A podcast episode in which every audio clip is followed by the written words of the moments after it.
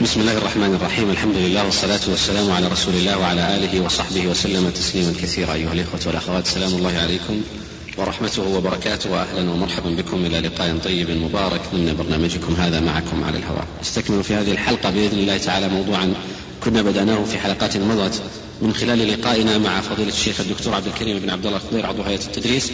بكلية أصول الدين جامعة الإمام محمد بن سعود الإسلامية بالرياض حول موضوع مكتبة طالب العلم فأهلا ومرحبا بكم فضيلة الشيخ. حياكم الله وبارك فيكم وفي الأخوة المستمعين. آه شكرا للإخوة الذين بعثوا بملاحظاتهم واستفساراتهم حول الحلقات الماضية وطلبوا أيضا آه أن يتم استكمال موضوع مكتبة طالب العلم مع فضيلة الدكتور لعلنا نحاول جاهدين في هذه الحلقة أن نستكمل آه ما نستطيع مع فضيلته حول موضوع مكتبة طالب العلم. فضيلة الدكتور آه، حفاظا على الوقت ولنبدأ مع الإخوة الذين هم آه، في شوق لاستكمال الموضوع نستكمل ما تبقى حول آه، الحديث السنة النبوية وما فيها من كتب ينبغي لطالب العلم أن يعتني بها. الحمد لله رب العالمين صلى الله وسلم وبارك على عبده ورسوله نبينا محمد وعلى آله وصحبه أجمعين.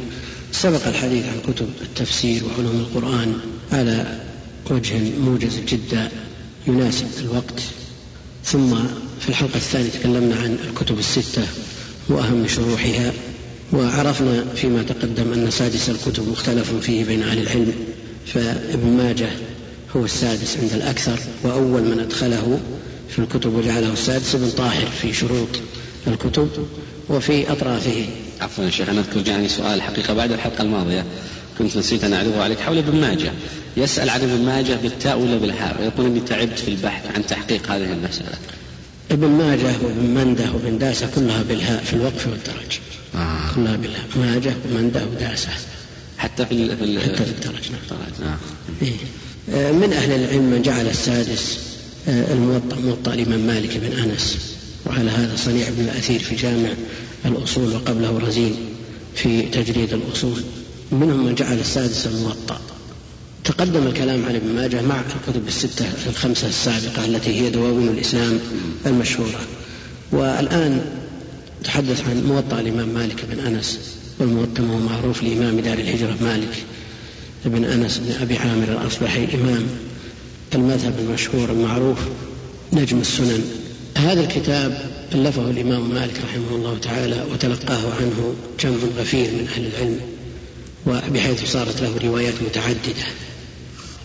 من أشهرها رواية يحيى بن يحيى الليثي وعليها جل الشروح ومنها رواية محمد بن الحسن ومنها رواية أبو مصعب الزهري روايات كثيرة جدا يصعب حصرها لكن أهمها ما يقرب من عشرين هي مدونة ومعروفة يطول الكلام فيها. يهمنا رواية يحيى بن يحيى التي عليها الشروح والتي عني بها أهل العلم ومن أهم شروحها وأعظم تلك الشروح التمهيد لما في الموطأ من المعاني والأسانيد. للإمام أبي عمر يوسف بن عبد الله بن عبد البر النمري كتاب عظيم. مكث في تصنيفه ثلاثين عاما. وأودعه من نفائس العلوم والفنون ما يعجز الإنسان اللسان عن وصفه. فالكتاب عني بالموطأ وبأقوال مالك ومذهب مالك وأشار إلى المذاهب الأخرى وله اختيارات وترجيحات. يخالف فيها مذهب الإمام رحمه الله. فابن عبد البر حافظ المغرب وهو إمام من أئمة المسلمين. مكث في تصنيف هذا الكتاب ثلاثين عاما. وقال عنه ابن حزم إنه لا يعلم في الكتب في الكلام على فقه الحديث أنفس من هذا الكتاب بل لا يعلم ما يماثله ولا يدانيه ولا يقاربه. هذا الكتاب رتبه ابن عبد البر على شيوخ الإمام مالك في موطئه ولذا يصعب الوقوف على الأحاديث المرادة منه إلا بعد معرفة الشيخ. ثم الشيوخ رتبهم على حروف الهجاء على طريقة المغاربة وهي أيضا تختلف عن ترتيب طريقة المشارقة فالصعوبة من جهتين من كونه مرتب على الشيوخ ولو ترتب على الأبواب لكان أولى على ترتيب مالك رحمه الله. لكن هذه وجهة نظر الإمام بن عبد البر. تمنينا طويلا أن يرتب الكتاب على ترتيب الموطأ فخرج له ترتيبات كثيرة. منها أول ما خرج له ترتيب المغراوي. من شيوخ المغرب وهو ترتيب ابتكره. قدم فيه مسائل الاعتقاد وعنايته بالعقيدة معروفة الشيخ المغراوي حفظه الله. لكني كنت أتمنى أن يرتب الكتاب على ترتيب الموطأ نفسه. يمشي على أحاديث الموطأ. والشيخ موجود الآن يا شيخ؟ إيه موجود الآن. في هو في المغرب. في المغرب. إيه في المغرب ويأتي كثيرا. فتمنيت أن يرتب على ترتيب الإمام مالك يعني إذا فالكتاب إما أن يبقى على أصله ترتيب ابن عبد البر أو يرجع إلى أصل الأصل وهو ترتيب الإمام, الإمام مالك رحمه الله. فخرج له أكثر من ترتيب بهذه الصفة تحقيقا لهذه الأمنية. ومن أفضل ما وقفت عليه من هذه الترتيبات ترتيب الشيخ عطية سالم وله عناية فائقة بالموطأ وعناية بالإمام مالك على وجه الخصوص. فجاء ترتيبه على الوجه المناسب وهو من أهل الخبرة بالموطأ وله معرفة بكتب ابن عبد البر. وخرج. هي طبع قبل ثمان أو تسع سنوات. بعنايته. نعم يعني هو, هو اللي رتبه بيده. آه. هو الذي رتبه بيده. ما مشى على الموطأ. كل جزء يخرج. واستغرق طباعة الموطأ 25 سنة. طباعة الموطأ استغرقت ربع قرن. فالشيخ حفظه الله كل ما يخرج. الشيخ عطية رحمه الله. رحمه الله توفي رحمة الله عليه. آه، كل ما يخرج جزء يرقمه برقم يرقم الحديث برقم الموطأ يرقم الأحاديث ثم بعد ذلك يرتب هذه الأحاديث في دوسيات ثم إذا خرج الثاني أضاف ما فيه من من أحاديث على الطريقة التي اتبعها. ثم خرج كتاب التمهيد مرتبا ترتيب الموطأ. وهذه هذا عمل جليل هذا. نعم قد يبدو في ظاهر الأمر أنه ليس بشيء أنه مجرد تقديم وتأخير وترتيب لكنه عمل جيد ومفيد يفيد طالب العلم كثيرا. الإمام ابن عبد البر عني بشرح الأحاديث المرفوعة. الأحاديث المرفوعة. في في هذا الكتاب وأبدع في كتابه وكمله بكتاب آخر أسماه كتاب الاستذكار في بيان مذاهب فقهاء الأمصار يعني من خلال الموطأ. شرح فيه الأحاديث المرفوعة والموقوفات وأشار إلى أقوال مالك وأقوال غيره من أهل العلم. فالاستذكار جاء تكميلا للتمهيد الذي هو لما في الموطأ من المعاني والأسانيد. معاني وأسانيد. هذا هذا التمهيد. هذه هذه الصفة الغالبة. وفيه كلام على فقه الحديث كثير لكن الكلام على الأحكام في الاستذكار أظهر وهما كتابان متكاملان. يعني لو جمع بينهما المحقق للاستذكار نقل بعض النقول مما يحتاج إليه من التمهيد فطال الكتاب جدا بحيث خرج في ثلاثين جزءا الاستذكار وهو أخصر من التمهيد. من أهم شروح الموطأ أيضا المنتقى. لأبي الوليد الباجي وهو من كبار المالكية. يفيد في طالب العلم فائدة. نعم.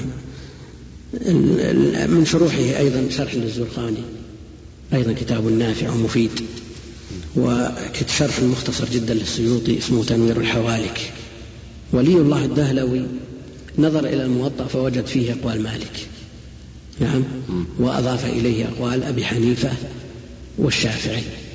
فجاء شرحه المختصر جدا جامع للمذاهب الثلاثة. آه. وتولينا شرح المسوى مدة أضفنا إليه مذهب الإمام أحمد. آه، فهناك أيضا شرح موسع ولم, ولم يكتمل عملكم يا شيخ؟ لا ما اكتمل ما اكتمل. نسأل الله يعني. نسأل الله يعني. المشاريع كثيرة الله المستعان. هناك شرح مطول طبع في ستة مجلدات في الهند ثم طبع في خمسة عشر جزءا اسمه أوجز المسالك. هذا الكتاب مع أن مؤلفه متأخر إلا أن آه، جودته تظهر في رجوع المؤلف إلى كتب أصحاب المذاهب. يعني لو جئنا إلى الشروح مثل فتح الباري أو عمدة القاري أو غيرها من الشروح أو كتب التفسير التي تنقل أقوال الفقهاء مثلا تجدهم ينقلون عمن ينقل المذهب. فلا تثق بهذا النقل آه، لا من جهة الخلل في أمانة مؤلفه لا. لكن قد ينقل رواية غير معروفة في المذهب. رواية عن الإمام غير معتبرة في المذهب. آه. يعني مرجوحة. تعرف أن المذاهب فيها روايات والشافعي عنده أقوال وأحمد عنده روايات وهكذا. نعم. فهذا الكتاب عني بهذا عناية طيبة. فصار ينقل المذاهب من كتب أصحاب المذاهب. فهذه فائدته. هو كتاب موسع خمسة عشر جزءا. السادس سادس الكتب على قول هو سنن الدارمي. سنن الدارمي وهو كتاب نافع وماتع وفيه أحاديث في حوالي كثيرة لتقدم مؤلفه فهو شيخ لأصحاب الكتب.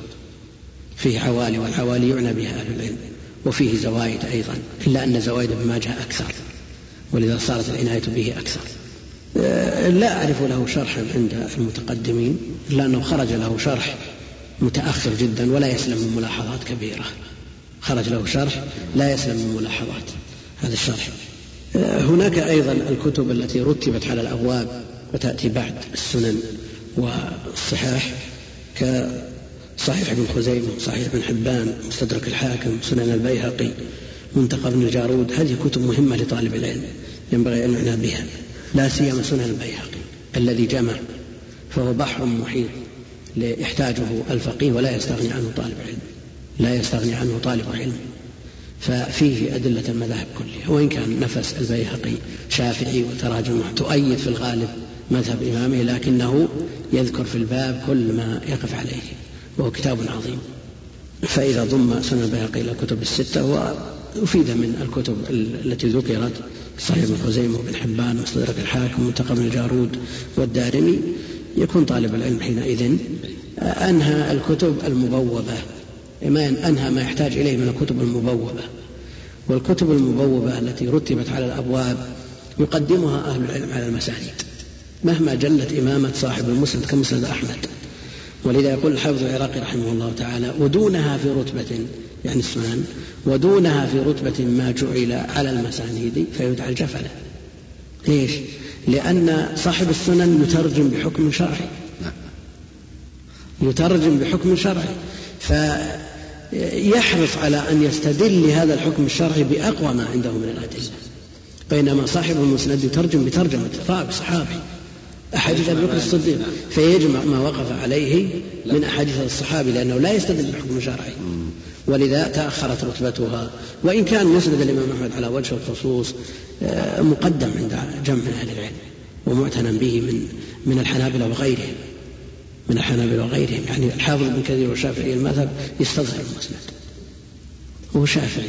فشرط الإمام أحمد في مسنده لا يقل عن شرط أبي داود كما قال شيخ الإسلام ابن تيمية. مع أن شرط أبي داود أقوى من شرط بقية السنن. مسند الإمام أحمد من دواوين السنة الجامعة. نعم ترتيبه على المسانيد عاق الإفادة من عند كثير من طلاب العلم. يعني رتب على الأبواب وترجمت أحاديثه وقد حصل يعني رتب من قبل جمع من من تقدم كابن عروة المشرقي وأيضا الساعاتي في الفتح الرباني وشرح ترتيبه عن الساعاتي بحاشية في أولها تستطيع أن تسميها شرح لكن في منتصفها الثانية أو قبل المنتصف أيضا في حاشية بلوغ الأماني من أسرار الفتح الرباني. أيضا الشيخ عبد الله القرعاوي له ترتيب للمسند اسمه المحصل. كتاب جيد. كتاب جيد يفيد منه طالب العلم. فأقول ترتيب المسند على هذه الطريقة جعلت كثير من طلاب العلم لا يعنون به مع أنه ينبغي أن يكون محط عناية لإمامة مؤلفه ولجمعه. يجمع من الأحاديث ما يقرب من ثلاثين ألفا. وإن قال المترجمون أنه فيه أربعين ألفا. لكن واقعه لا يصل إلى الثلاثين. لكن الصعوبة في البحث يا شيخ الآن كيف يمكن أن يتخطاها طالب العلم؟ إذا عنده حديث عن أبي هريرة وأبو هريرة مكثر رضي الله عنه. نعم. يأتي للمسند في مسند الإمام أحمد كيف يمكن أن يعني يحصل على الحديث؟ من طريق المعجم المفهرس لألفاظ الحديث ومن طريق أطراف أطراف المسند الحافظ بن حجر. نعم. من طريق كتب الأطراف ومن طريق المعجم المفهرس آه، المسند عليه حواشي للشيخ أحمد شاكر نافعة يفيد منها طالب العلم وغالبها في الرواية يعني في الجرح والتعديل الرواة وإن ظهر تساهل رحمه الله وصح بعض الأسانيد التي لا تصل إلى درجة الصحة. آه، على طالب العلم أن يعنى بكتب أحاديث الأحكام ومن أهمها العمدة. العمدة والمحرر والبلوغ والمنتقى والإلمام وغيرها من الكتب التي ألفها أهل العلم بالتقريب لتقريب هذه الأحاديث لطلاب العلم. ولذا جردوها عن الأسانيد وأتبعوها بأحكام مختصرة. عزم مختصر وأحكام مختصرة تناسب الحفظ. وهذه الكتب كلها مشروحة. العمدة لها شروح كثيرة جدا. المحرر يعني عناية الناس به أقل من البلوغ وإن كان عندي أنفس وأتقن. البلوغ عني به الناس ودرسوه وشرحوه ولو شروح كثيرة متداولة. المنتقى أيضا عني به الناس وشرحوه. مع كثرة أحاديثه. والإلمام لابن دقيق العيد شرحه مؤلفه في كتاب من أعظم كتب شروح آه، كتب حديث الأحكام اسمه الإمام آه، شرح الإمام. ولابن دقيق العيد أيضا كتاب آخر اسمه الإمام بين فيه علل الأحاديث وطول فيه جدا. ينبغي لطالب العلم المتقدم لا أقول المبتدئ أن يعنى بكتب العلل كعلل علي بن المديني وابن أبي حاتم والدار قطني. وعلل الترمذي الكبرى والصغرى ويراجع ما كتب عليها من تنبيهات وشروح وتخاريج ويفيد منها ويسأل عما يشكل عليه. وأيضا يعنى بكتب مشكل الحديث لأنه يوجد إشكالات في الأحاديث تحلها هذه كتب المشكل ويراد بالمشكل الحديث واختلاف الحديث ومختلف الحديث يراد به التعارض بين الأحاديث. فهذه الكتب كفيلة بحل هذا التعارض وإزالة التعارض. والتعارض إنما هو في الظاهر فلا يوجد حديثان صحيحان. نعم صحيحان متعارضان تعارض حقيقي لأنه كلام من لا ينطق عن الهوى. نعم, نعم لا يوجد تعارض التناقض في كلامه عليه الصلاة والسلام لكن فيما يظهر ويبدو للقارئ ثم بعد هذه الكتب كتب اختلاف الحديث تزيل هذا الإشكال. عليه أيضا أن يعنى بكتب غريب الحديث. غريب الحديث التي هي بمثابة شرح ما يشكل من ألفاظ الحديث النبوية. وغريب الحديث غير الغريب من الحديث. غريب الحديث شرح المشكل من الألفاظ. ومشكل الحديث واختلاف الحديث فيما في التعارض الظاهر. وغريب الحديث فيما يشكل ويصعب فهمه من الألفاظ. أما الغريب؟ الغريب من الحديث ما يتفرد به راوي واحد. نعم. هذا في المتن وذاك في الإسناد. آه، من أهم ما كتب في غريب الحديث غريب حديث أبي عبيد القاسم بن سلام وهو إمام في هذا الباب. وأيضا غريب الحديث بن قتيبة والفائق للزمخشري وهو إمام في العربية وإن كانت البدعة أثرت على بعض كتبه. أيضا ابن الأثير كتابه النهاية كتاب جامع بين كتب من تقدم. كتب الغريبة حقيقة كثيرة جدا لكن هذه من أهمها لأبي عبيد. ابن قتيبة الزمخشري ابن الأثير يعني إن أراد أن يقتصر على كتاب واحد نعم لضيق ذات اليد أو ضيق المكان وما أشبه ذلك ابن الأثير النهاية نعم النهاية ابن الأثير ولها ملخص اسمه الدر النثير للسيوطي طالب العلم أيضا عليه أن يطلع على كتب الموضوعات وهي المكتوبة المختلقة على النبي عليه الصلاة والسلام لئلا يروج بعضها عليه وكانت عناية المتقدمين بها فائقة. فالبخاري رحمه الله تعالى يحفظ مئة ألف حديث صحيح ومئتي ألف حديث غير صحيح. فمعرفة مثل هذه الأمور لئلا آه، يغتر بها الناس. كتب الموضوعات مثل الموضوعات ابن الجوزي على تساهل في شرطه حيث أدخل بعض الأحاديث التي لا تصل إلى درجة الوضع حديث ضعيفة كثيرة دخلت في الكتاب. لا تصل إلى درجة الوضع بل حديث حسنة دخلت. بل صحيحة لكنها قليلة. يقول الحافظ العراقي رحمه الله تعالى وأكثر الجامع فيه إذ خرج لمطلق الضعف عنا أبا الفرج. وأكثر الجامع فيه إذ خرج لمطلق الضعف عنا أبا الفرج. يعني بالجوزي. اللآلئ المصنوعة مأخوذ من موضوعات ابن الجوزي وغيره وهو أقرب منه إلى الدقة في الحكم على الحديث بالوضع الأسرار المرفوعة الملا علي قارئ فوائد المجموعة للشوكاني. المقصود أن هذا هذا الموضوع آه، صنف فيه كثيرا. وعلى طالب علم أن يعنى به. أيضا يعنى بكتب علوم الحديث. كتب علوم الحديث من أولها كتاب المحدث الفاصل للرامة هرمزي. صحيح الكتاب لم يستوعب باعتباره من اللبنات الأولى في التأليف في هذا الفن. وطبيعي أن أول شخص يؤلف يحصل عنده نقص ثم يكمل فيما بعد. معرفة علوم الحديث للحاكم كتاب نفيس من أبي طالب العلم وإن قال الحافظ بن حجر أنه لم يهذب ولم يرتب قال في مقابل ذلك ابن خلدون في مقدمته الشهيرة إنه أول من هذب هذا العلم ورتبه. ابن حجر يقول لم يهذب ولم يرتب ابن خلدون يقول أول من هذب ورتب. فهل في هذا تعارض؟ نعم. كيف يدفع مثل هذا التعارض؟ كلامهما صحيح. كلامهما صحيح. يمكن تنزيله. لم يهذب ولم يرتب بالنسبة لمن جاء بعده. نعم. الذين جاءوا بعده أكثر ترتيب وتهذيب. لكن إذا نظرنا إليه بالنسبة لمن ألف في الفن قبله هو أول من هذب ورتب على كلام الخلدون فلا تعارض. من الكتب المهمة في الباب كتاب الكفاية للخطيب. وفي قوانين الرواية كتاب مفيد ونافع بالأسانيد ككتابين الذين تقدم. والخطيب له في كل باب وفي كل نوع من أنواع علوم الحديث مصنف خاص.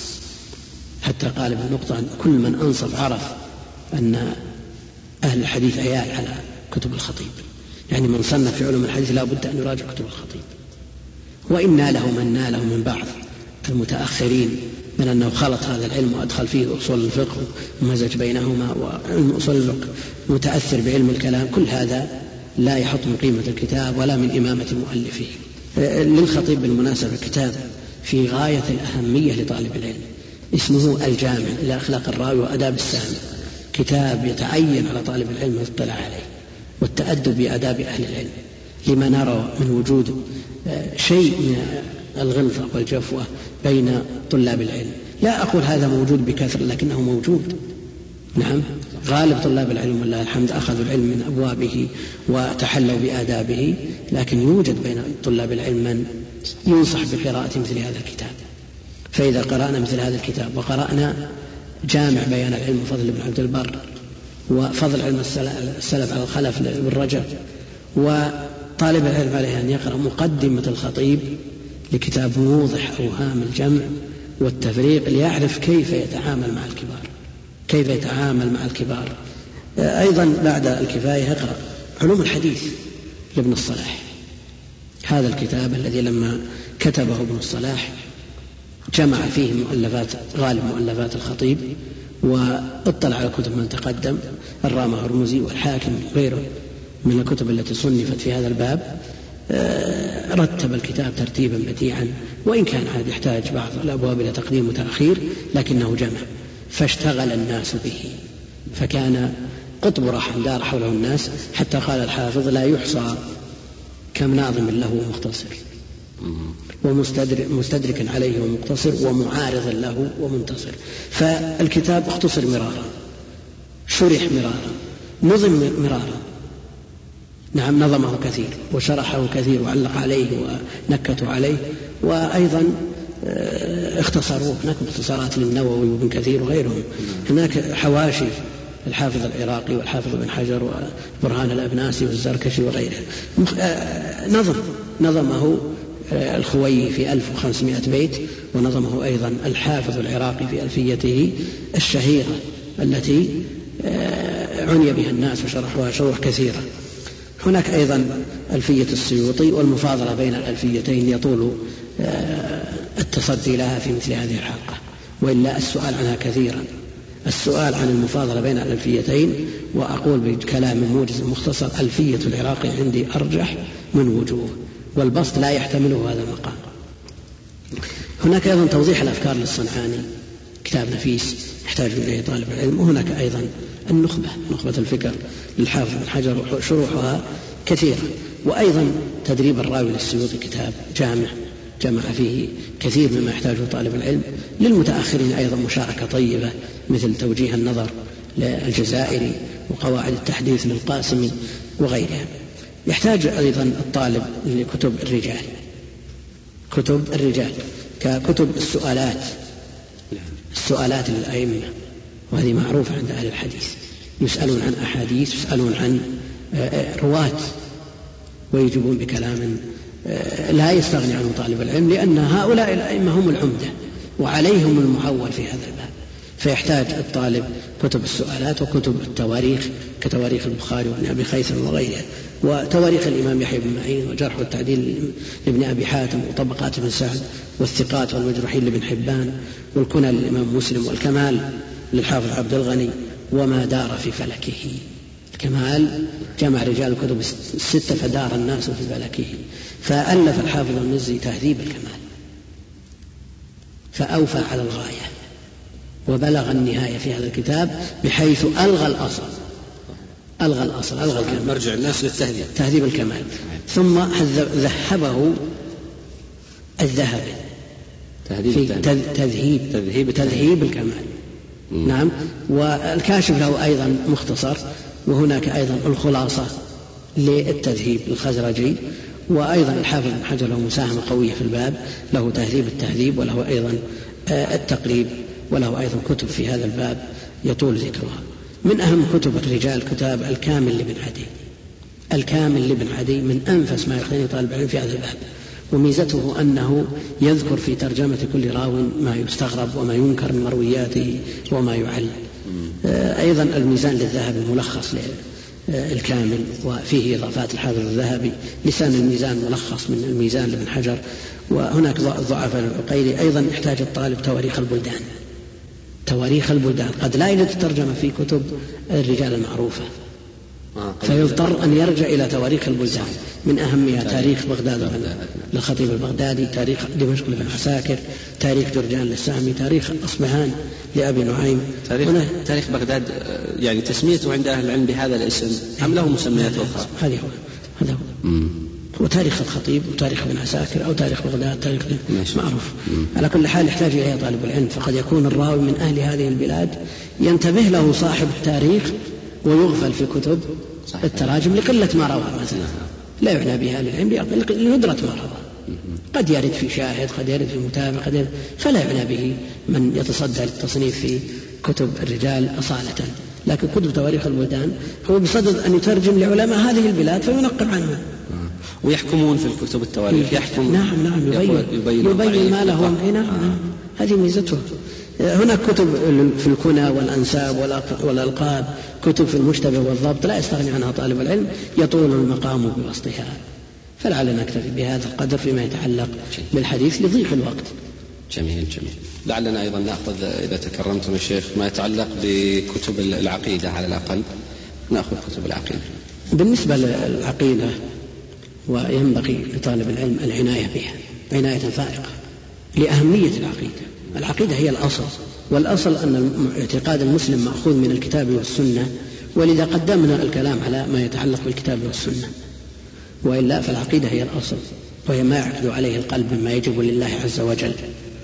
نعم, نعم. يبدأ الطالب بمختصرات شيخ الإسلام الإمام المجدد الشيخ محمد بن عبد الوهاب رحمه الله مثل الأصول الثلاثة والقواعد الأربع وكشف الشبهات والتوحيد وما كتب عليها.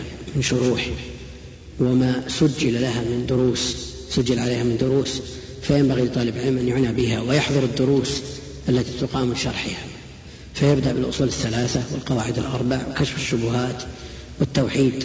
شروح كتاب التوحيد أهمية الموضوعات التي طرقها الشيخ رحمه الله تعالى. مثل تيسير عز الحميد وفتح المجيد وقرة عيون الموحدين. وإبطال التنديد وشروح المشايخ المعاصرين كالشيخ ابن باز وابن عثيمين وابن فوزان وغيرهم المقروءة والمسموعة. فطالب العلم عليه أن يعنى بها عناية فائقة. أيضا يعنى بكتب شيخ الإسلام ابن تيمية كتب ابن القيم يعنى بالواسطية والحموية والتدمرية وشرح الأصفهانية. وهذه من كتب شيخ الإسلام وعليها شروح وتعليقات وللعلماء بها عناية إقراء وتدريسا. وتقريرا الواسطية شرحت شروح كثيرة منها للشيخ عبد العزيز بن ناصر بن رشيد الشيخ توفي رحمه الله وكتاب من أنفس الشروح وأقدمها. أيضا الشيخ زيد الفياض له شرح اسمه الروضة الندية شرح طيب استقاه من كتب شيخ الإسلام وابن القيم. الشيخ ابن عثيمين أيضا له شرح الواسطية والشيخ ابن وزان الشيوخ كلهم لهم شروح الواسطية لأهميتها لأهميتها. المؤلف رحمه الله تعالى برع في تقديم عقيدة السلف في أبواب مهمة من أبواب العقيدة بأبسط عبارة وأيسر من نصوص الكتاب والسنة. وبين وسطية مذهب أهل السنة من بين سائر الفرق. فيذكر الطرفين طرفي النقيض ويخلص من هذين الطرفين إلى أن مذهب أهل السنة وسط بين هذين الطرفين. بعض الذين قاموا بتدريس هذه المادة خصوصا جامعة الإمام والجامعة الإسلامية وجامعة أم القرى يعني أخرجت مجموعة من الكتب في هذه العقيدة.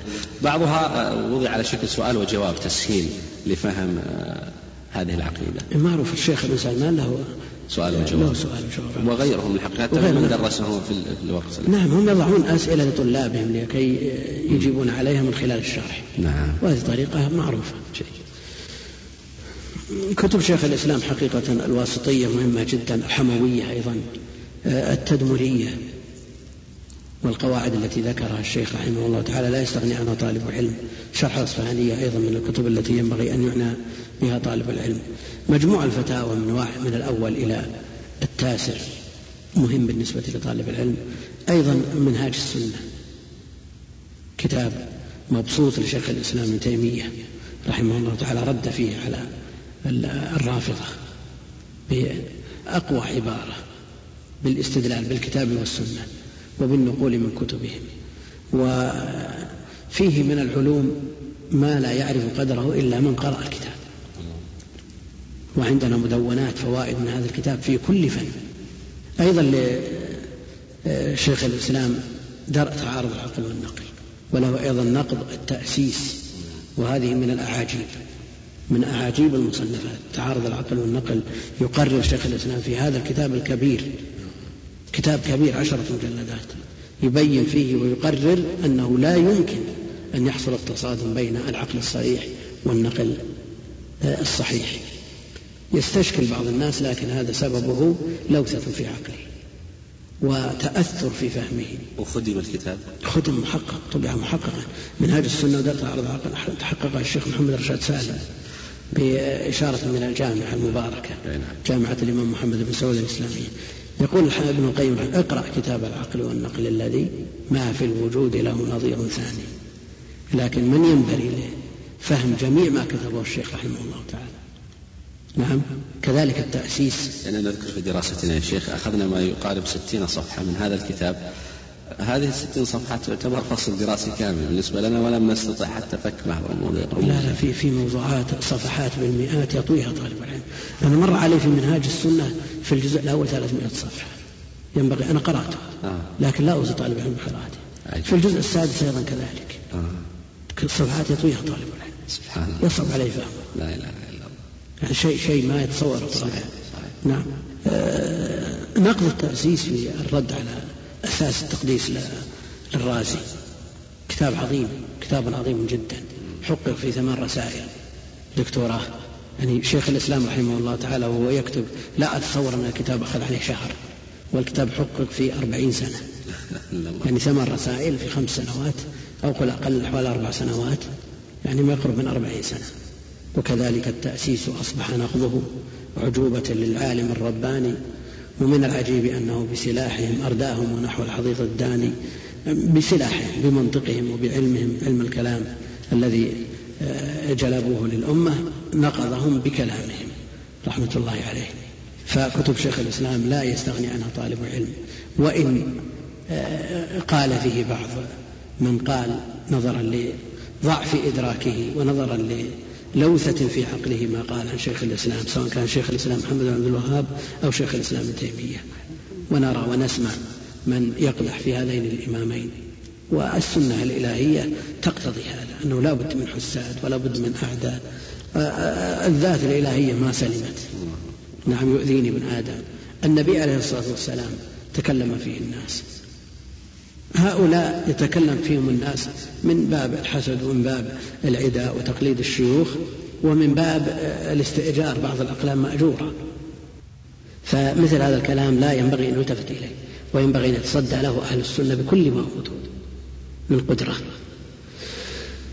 أيضا يتكلم فيهم الناس لما يريده الله جل وعلا من رفعة لمنازلهم تجري عليهم أعمالهم وهم موتى إضافة إلى ما دونوه في كتبهم وانتفع به الناس منهم. كتب ابن القيم أيضا لا يستغني عنها طالب علم. النونية. النونية لابن القيم. كتاب نفيس. فيه عقيدة السلف. حقق نعم حقق في أربع رسائل. في أربع رسائل ماجستير في قسم العقيدة في جامعة الإمام محمد بن سعود. أيضا مدارج السالكين. كتاب مفيد في أدواء القلوب. لا يسلم من ملاحظات يسيرة لكنه كتاب نافع. علق عليه الشيخ حامد الفقي وشدد في العبارة أحيانا على ابن القيم بكلام لا ينبغي أن يقال في جنابه. المقصود أن ابن القيم ليس بالمعصوم. هو حاول رحمه الله تعالى أن يقرب الكتاب الأصل المشروح ويدنيه لطلاب العلم ويتكلم على ما فيه من ملاحظات ولم يسلم رحمة الله عليه والكتاب نفيس. فيه في يعني الأشياء التي تلاحظ على الكلام مغمورة في بحار ما فيه من علم جم وفيه آه، أدوية للقلوب المريضة. أيضا إغاثة اللهفان من مصائد الشيطان. كتاب أبدع فيه الإمام القيم. كتاب مبدع حقيقة. آه، لا يستغني عنه طالب العلم فينبغي لطالب العلم أن يعنى به. بدائع الفوائد. بدائع الفوائد أودع فيه ابن القيم الفوائد من كل فن. انتقى فيه من الفوائد من كل فن وهو مطبوع في أربعة أجزاء. الفوائد أيضا لابن القيم فيه نفائس ولطائف واستنباطات يعني يذهل الإنسان حينما يقرأها فيما يستنبطه ابن القيم من النصوص رحمة الله عليه. أيضا إعلام الموقعين إعلام الموقعين عن رب العالمين.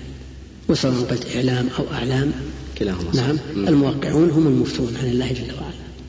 فإن أردت إعلام الموقعين فابن القيم يعلم ويخبر الموقعين بما يجب عليهم, عليهم نعم. من شروط للفتوى وأيضا آه، من آداب أيضا زاد وإن قلت أعلام فابن القيم ذكر أعلام المفتين في نعم. من عصر الصحابة من, من النبي عليه الصلاة والسلام إلى عصره وقته عصره نعم. نعم وكذلك زاد المعاد في هدي خير العباد آه، كتاب نفيس لا يستغني عنه طالب علم ألفه الإمام ابن القيم في حال السفر وليست له عدة.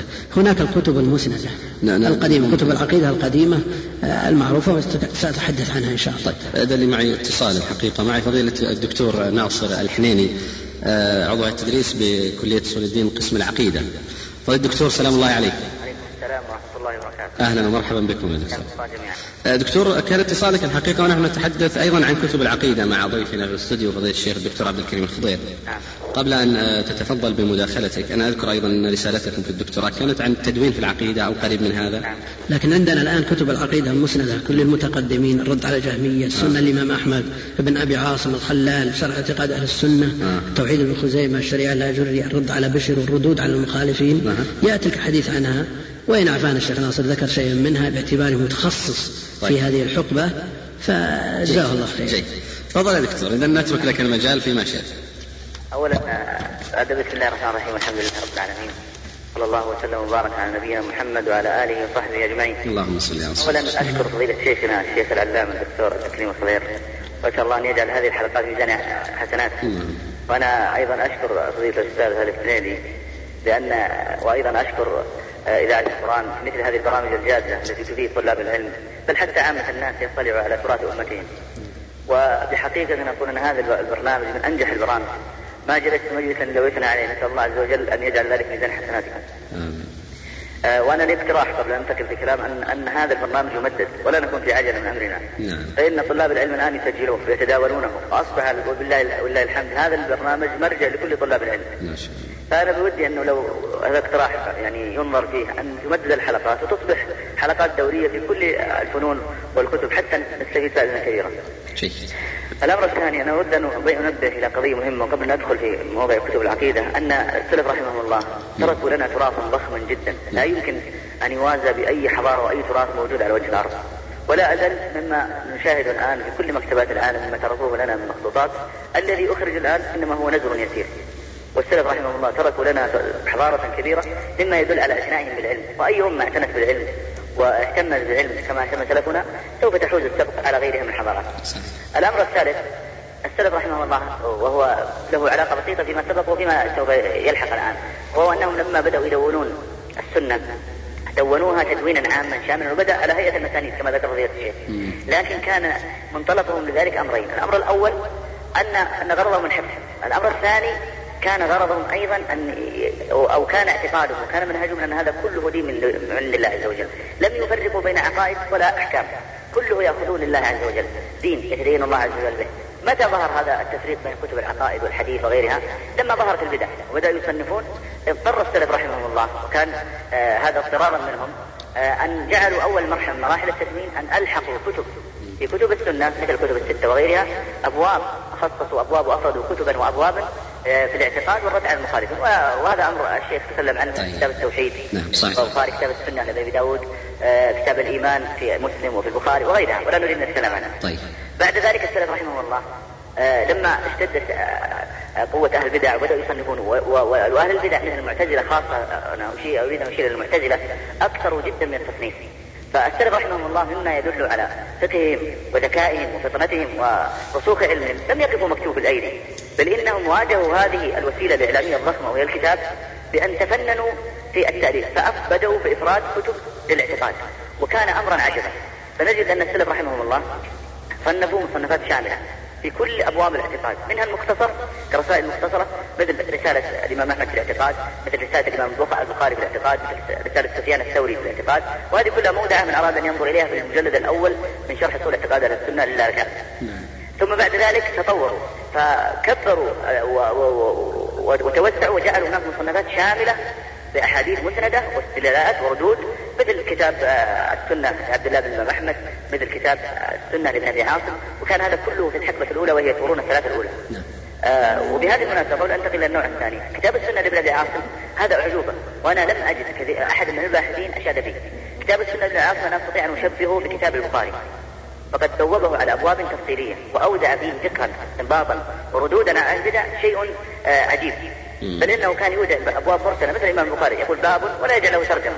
نعم. فقد يعني حصرتها فوجدت فيها آه، من الفوائد ومن الاستنباطات شيء عظيم. يعني كمثال مثلا آه، لما أورد حديث آه، المشهور عن العباس لما قال له النبي صلى الله عليه وسلم يا غلام انه أعلمك كلمات. الحديث. نعم. أحفظ الله يحفظ المشهور معروف كتب السنة وغيرها أنه عن ابن عباس وهذه وصية النبي صلى الله عليه وسلم ابن عباس. الإمام ابن أورد الحديث المشهور وغير ذلك لكنه عقد بابا مستقل وقال باب مرسل. ثم أورد فيه هذا الحديث ليس عن ابن عباس وإنما عن جعفر بن أبي طالب. وهذه فائدة. أراد ينبه أنها فائدة وأفرده لوحده. كذلك كان الإمام رحمه الله بن العاصم إذا كان الحديث فيه كلام وفي النفس منه شيء أو يكون فيه ضعف شديد كان يفيده بباب مستقل في آخر الباب. طيب. وغير الفوائد بعد ذلك انتقل السلف رحمهم الله وصنفوا في آه، أبواب أو كتب عامة ليست في كتب كتابا كبيرا من كتب الاعتقاد. مثل آه، أن يؤلفوا في كتاب الإيمان كتابا مستقلا أو في كتاب آه، مثلا في الأسماء والصفات. فظهر لنا مثل كتاب الإيمان لأبي عبيد القاسم السلام وكتاب الإيمان لابن أبي شيبة والكتاب الإيمان لأبي عمر العدني وغيرهم. ف... ثم بعد ذلك زادوا وتفننوا ثم أفردوا مصنفات في مسائل معينة. ليس فيها أبواب وإنما في مسألة. مثل كتاب إثبات صفة العلو هذا كان متأخر لكن. لابن قدامة لكن هناك مثلا كتاب خلق أفعال العباد هذه مسألة نعم. جزئية من أبواب القدر نعم. طاري وهذا أيضا الكتاب أشيد به لأنه كتاب عظيم فيه من فقه الاستنباط والردود على المخالفين. كثرة الاستدلال ما لا يوجد فيه كتاب في مثله. ثم بعد ذلك انتقلوا إلى الطريقة التي بعدها وأنهم أفردوا كتبا في الرد على المخالفين. مثل كتاب وأنا أريد أن أشير بكتابين عظيمين لا يستغني عنهما طالب العلم وهما كتاب الرد على الجهمية للإمام أحمد بن حنبل رحمه الله وكتاب الرد على عثمان أو على بشر المريسي أيضا الإمام الدارمي.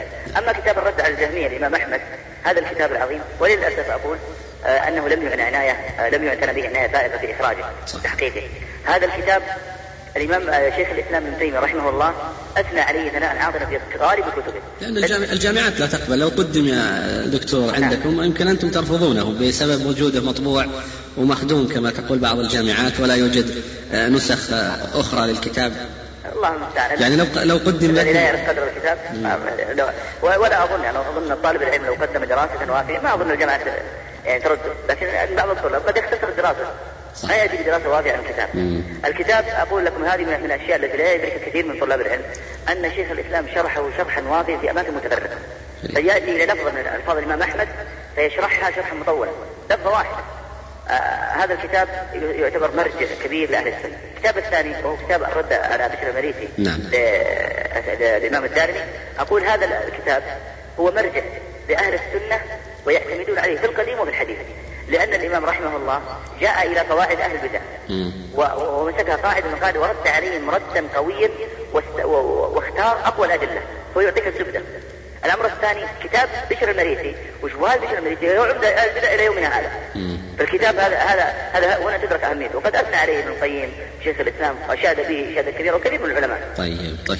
أخيرا أنا أختم. أقول السلف رحمه الله آه، وهي دعوة صادقة لكل من يريد نيل الأجر من طلاب العلم ومن أصحاب الدور والذين يطبعون الكتب أقول كتب السلف لم يعتنى بها عناية فائقة تحتاج إلى إعادة تحقيق وإلى إخراج جيد. ونحن نشيد بالمشروع الذي خرج لمؤلفات شيخ الإسلام ابن تيمية رحمه الله وكان مشروعا جيدا وابن القيم لكن أنا أقول الأولى الآن أن تخرج كتب السلف في عصر الرواية في القرون الستة الأولى التي لم تحظى بعناية وهي أهم واولى. صحيح. طيب دكتور أنت في كتابك أو في رسالتك أشرت إلى كتاب الحيده حققت ما يدور حوله من تدوين هذا الكتاب أم لم تشير إلى شيء؟ في, في الرسالة. نعم نعم. وأثبتت أن الحيدر الكناني أم لم تثبت نعم. هذا؟ كل حتى كتاب رد على الجميع تكلموا فيه. طيب. لكن أقول أنا بخلاصة الكتب ليست في أحاديث. ماشي كان معنا الدكتور ناصر الحنيني آه، العضو التدريس بكلية أصول الدين قسم العقيدة. تحدث عن التدوين في العقيدة. هل لكم تعليق قبل أن نستمر في الحديث؟ أخونا الدكتور ناصر معروف بالعناية بكتب العقيدة لا سيما الكتب المسندة التي ألفت في الصدر الأول. وذكر بعضا منها وأراحنا من بعض ما كنت أريد أن أقوله في الباب. ذكر منها كتاب السنة للإمام أحمد بن أبي عاصم وهناك كتاب السنة للخلال وذكر أيضا الرد على الجهمية والزنادقة للإمام أحمد مع أنه يوجد من ينكر ثبوت هذا الكتاب للإمام لكني أثبتت أكثر من مئة نقل لشيخ الإسلام ابن تيمية عن هذا الكتاب مع نسبته للإمام أحمد. وهو كتاب نافع وماتع. يفيد منه طالب العلم وهو كتاب أصل في الباب يرد فيه على شبه الجهمية والزنادقة. كذلك الرد على بشر المريسي عثمان بن سعيد الدارمي. وكتب العقيدة لا شك أنها المسندة للأئمة هي الأصل في الباب. وإن عني المتأخرون بهذه المسائل وأصلوها وقعدوها وضبطوها ورتبوها مع حذف الأسانيد التي لا يحتاج إليها. شرح اعتقاد أهل السنة التي أشار إليه الشيخ. بقي كتاب التوحيد ابن خزيمة. هو كتاب من أنفس الكتب. يذكر المسألة من كلامه بأسلوب واضح مفصل جميل على طريقة أهل السنة والجماعة ثم يستدل لهذه المسألة من ما صح عنده من السنة. إلا أن الملاحظ عليه التكرار.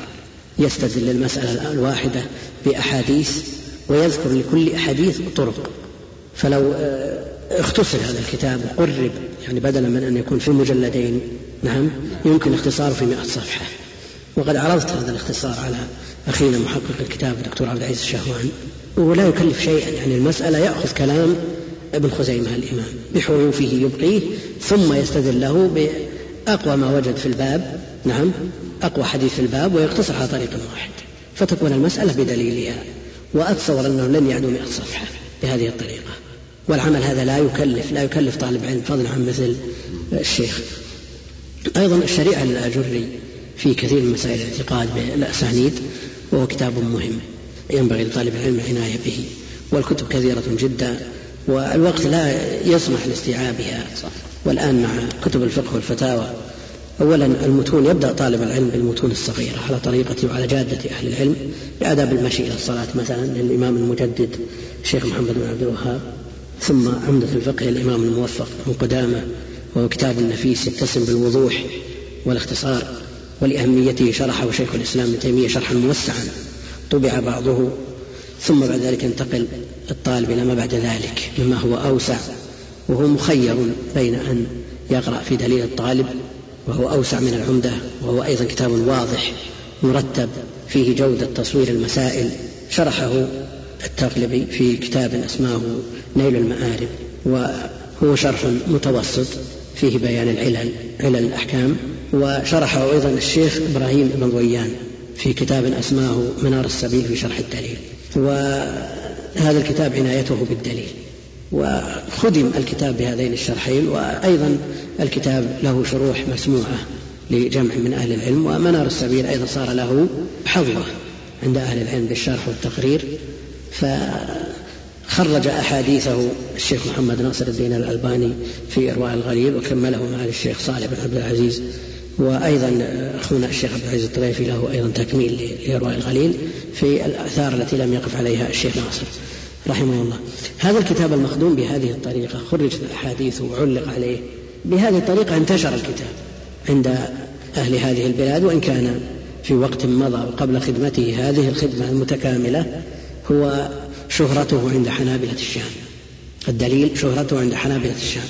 بينما الحنابلة في هذه البلاد يعنون بكتاب الزاد زاد المستقنع وهو مختصر من المقنع لشرف الدين الحجاوي وهو أمتن متون الفقه الحنبلي وأجمعها مسائل على اختصاره وصغر حجمه.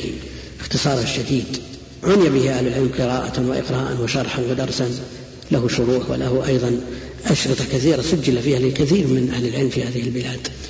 فلهم عناية بهذا الكتاب عناية فائقة. شرحه الشيخ منصور بن يونس بن إدريس البهوتي في كتابه الروض المربع.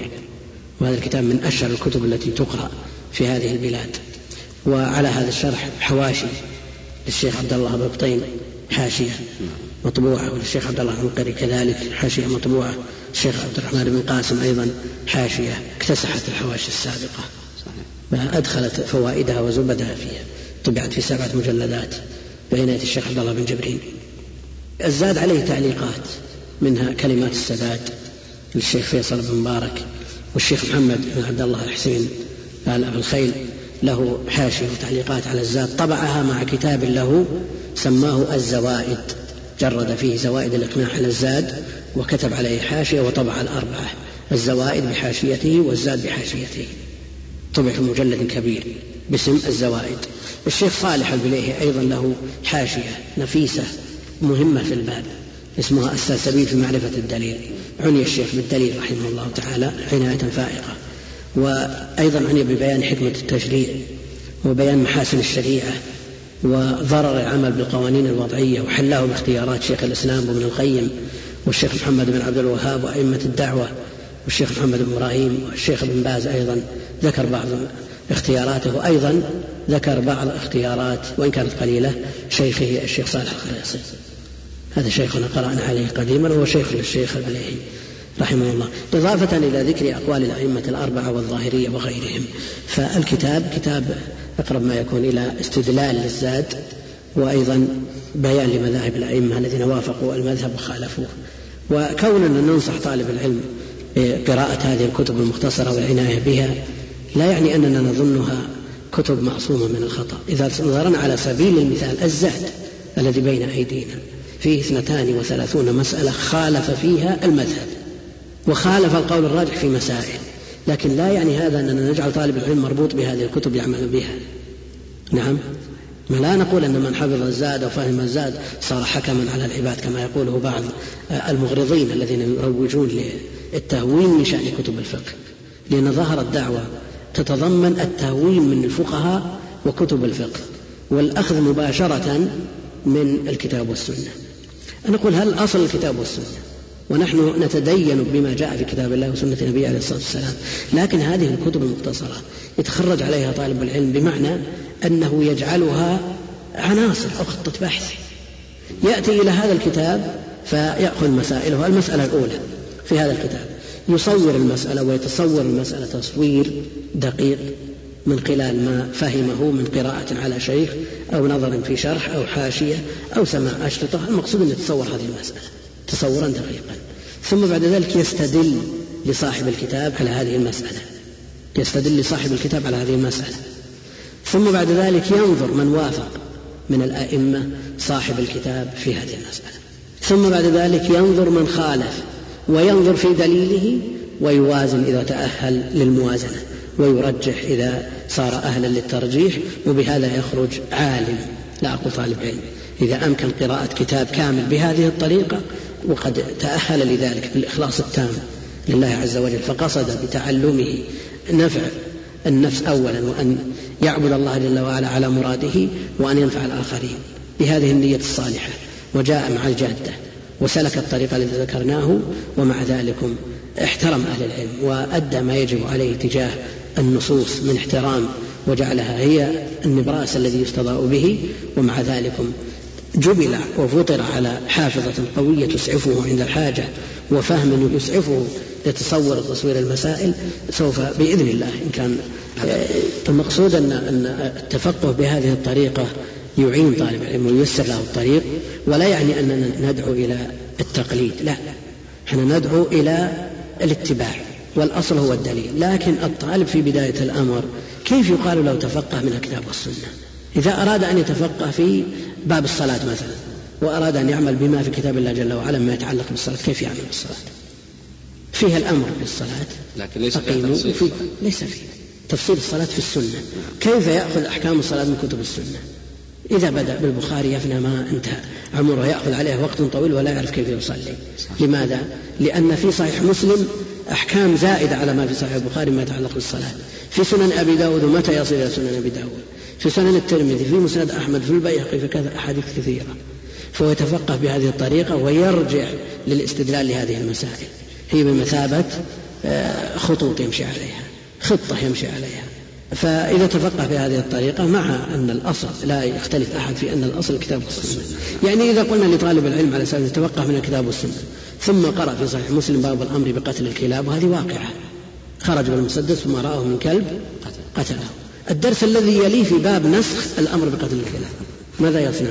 يرجع يعتذر نعم. بينما الفقهاء يجعلون المسألة في سطر فيما يتعلق بهذه المسألة وأدلتها يبحث عنها في الكتب. المقصود أن مثل ما ذكرت ورددت مرارا وفي مناسبات أن كتب الفقه ليست دساتير لا يحاد عنها لا. هي مجرد خطط بحث خطط بحث وعناصر يسير عليها طالب العلم. وبهذا أدرك من أدرك. نعم وجد متعصبا في المذاهب وجد متعصب من يرون أن قول المؤلف ملزم لا يجوز الخروج عنه. نعم وجد في سائر المذاهب متعصبة لكن هذا التعصب مذموم. هذا مذموم. وجد من يقول لا يجوز الخروج عن المذاهب الأربعة. نعم. لا يجوز الخروج عن المذاهب الأربعة. ولو خالفت الكتاب والسنة وقول الصحابي يقول هذا الكلام. وجد من يقول هذا الكلام. وبالمقابل وجد من يحرم النظر في هذه الكتب. ودين الله وسط بين الغالي والجافي. والمسألة خير الأمور أوساط. ونستفيد من هذه الكتب. وألفها أئمة علماء أهل علم وعمل. لكنها ليست دساتير ملزمة. إنما هي بيان. تبين لنا الطريق. الزاد نظم من قبل الشيخ ابن عتيق والشيخ سليمان بن عطية الشيخ سليمان بن عطية نظم الزاد برجوزة ماتعة. هناك مختصرات كثيرة مثل مختصر الخرقي وعني به الناس عناية كبيرة منذ القدم. وأخصر المختصرات وله شروح وكافي المبتدي وأيضا التسهيل. هناك مختصرات كثيرة لكن ما صدرنا بها الكلام هي أهم هذه المختصرات. أه، نأخذ أه، اتصال معنا. اتصال من الشيخ عبد الكريم التويجري. الشيخ عبد الكريم. السلام عليكم السلام ورحمة الله وبركاته. أولا نحن سعداء باتصالك لكن الحقيقة وقت الأذان يداهمنا وبودنا أن تكون مشاركتك ومداخلتك لنا في في فن الفقه. تفضل يا شيخ. عفوا أنا إن كان لي من مداخلة حقيقة فأريد أن آه، أتكلم بس حقيقة في جانبين. تفضل يا شيخ. الجانب الأول بعد بسم الله الرحمن الرحيم الحمد لله رب العالمين وصلى الله وسلم على نبينا محمد. آه، بما أن هذه الحلقات كلها حول مكتبة طالب العلم نعم. كيف يبنيها وقد أجاد الشيخ وأفاد جزاه الله خيرا في هذا الجانب. حقيقة من الملاحظ أن كثيرا من المنتسبين إلى العلم الحريصين على متابعة جديد المكتبات. كثير منهم ينحصر همه في مجرد اقتناء الكتاب بذات الاقتناء. فيكون آخر عهده بالكتاب حين ينظمه في أدراج مكتبته دون أن يكلف نفسه معرفة شيء عن هذا الكتاب. وأظن الحقيقة أن هذا من الخلل في منهجية الطلب. فأقل ما يترتب عليه أن الكتاب قد يوضع في غير محله. وربما أيضا لم يستفد منه في مواضع لا يكاد يستغنى عنه فيها. بل ربما لا توجد في غير هذا الكتاب. ونحن نتوجه لفضيلة الشيخ عبد الكريم بأن يعني يجدر هنا لطالب العلم أن يهتم عند اقتنائه للكتاب بمعرفة أولا موضوع الكتاب ومسائله التي تضمنها ويكون ذلك بالنظر في مقدمة الكتاب والفهارس التي وضعها المؤلف أو جعلها المحقق. وإن قدر له قراءة شيء من مسائل الكتاب وفصوله فذلك غاية المرام.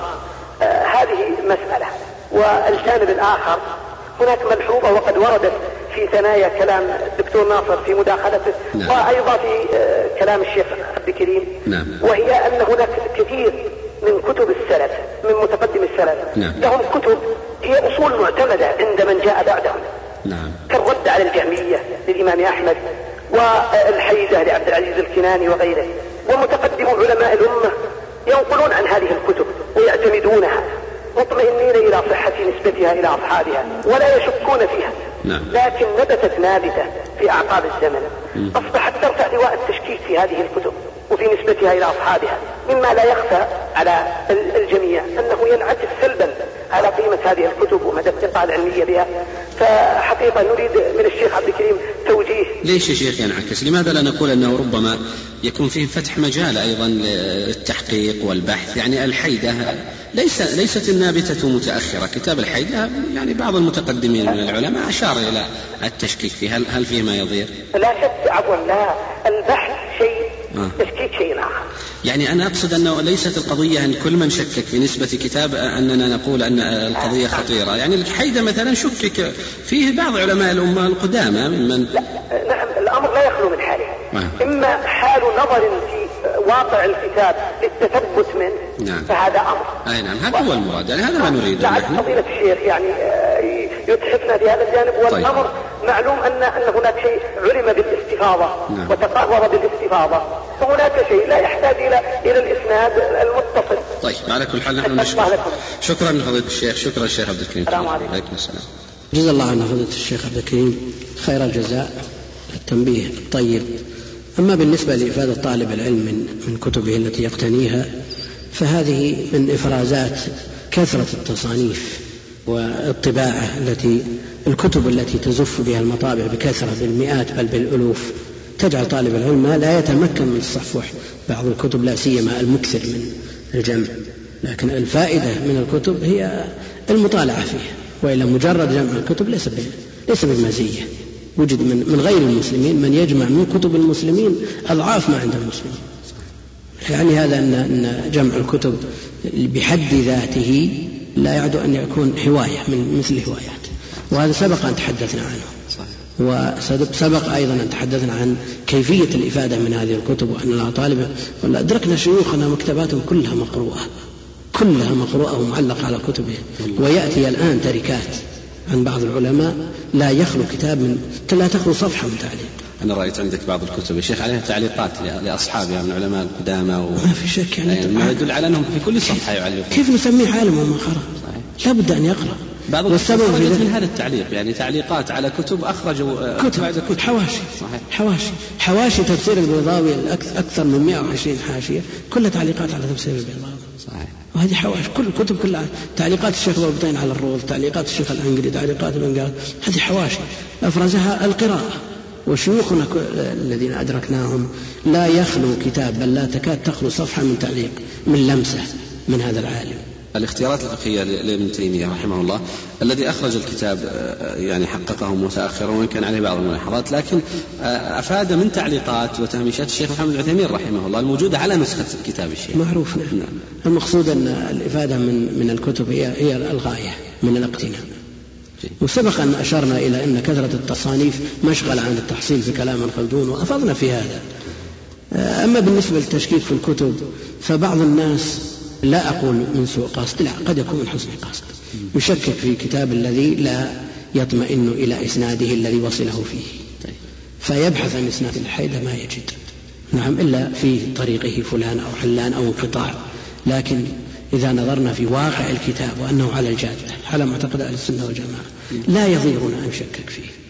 يهمنا العلم. نعم إذا ثبتت نسبته إلى هذا العالم بها ونعمت ما لم تثبت فالعلم بحد ذاته مطلوب.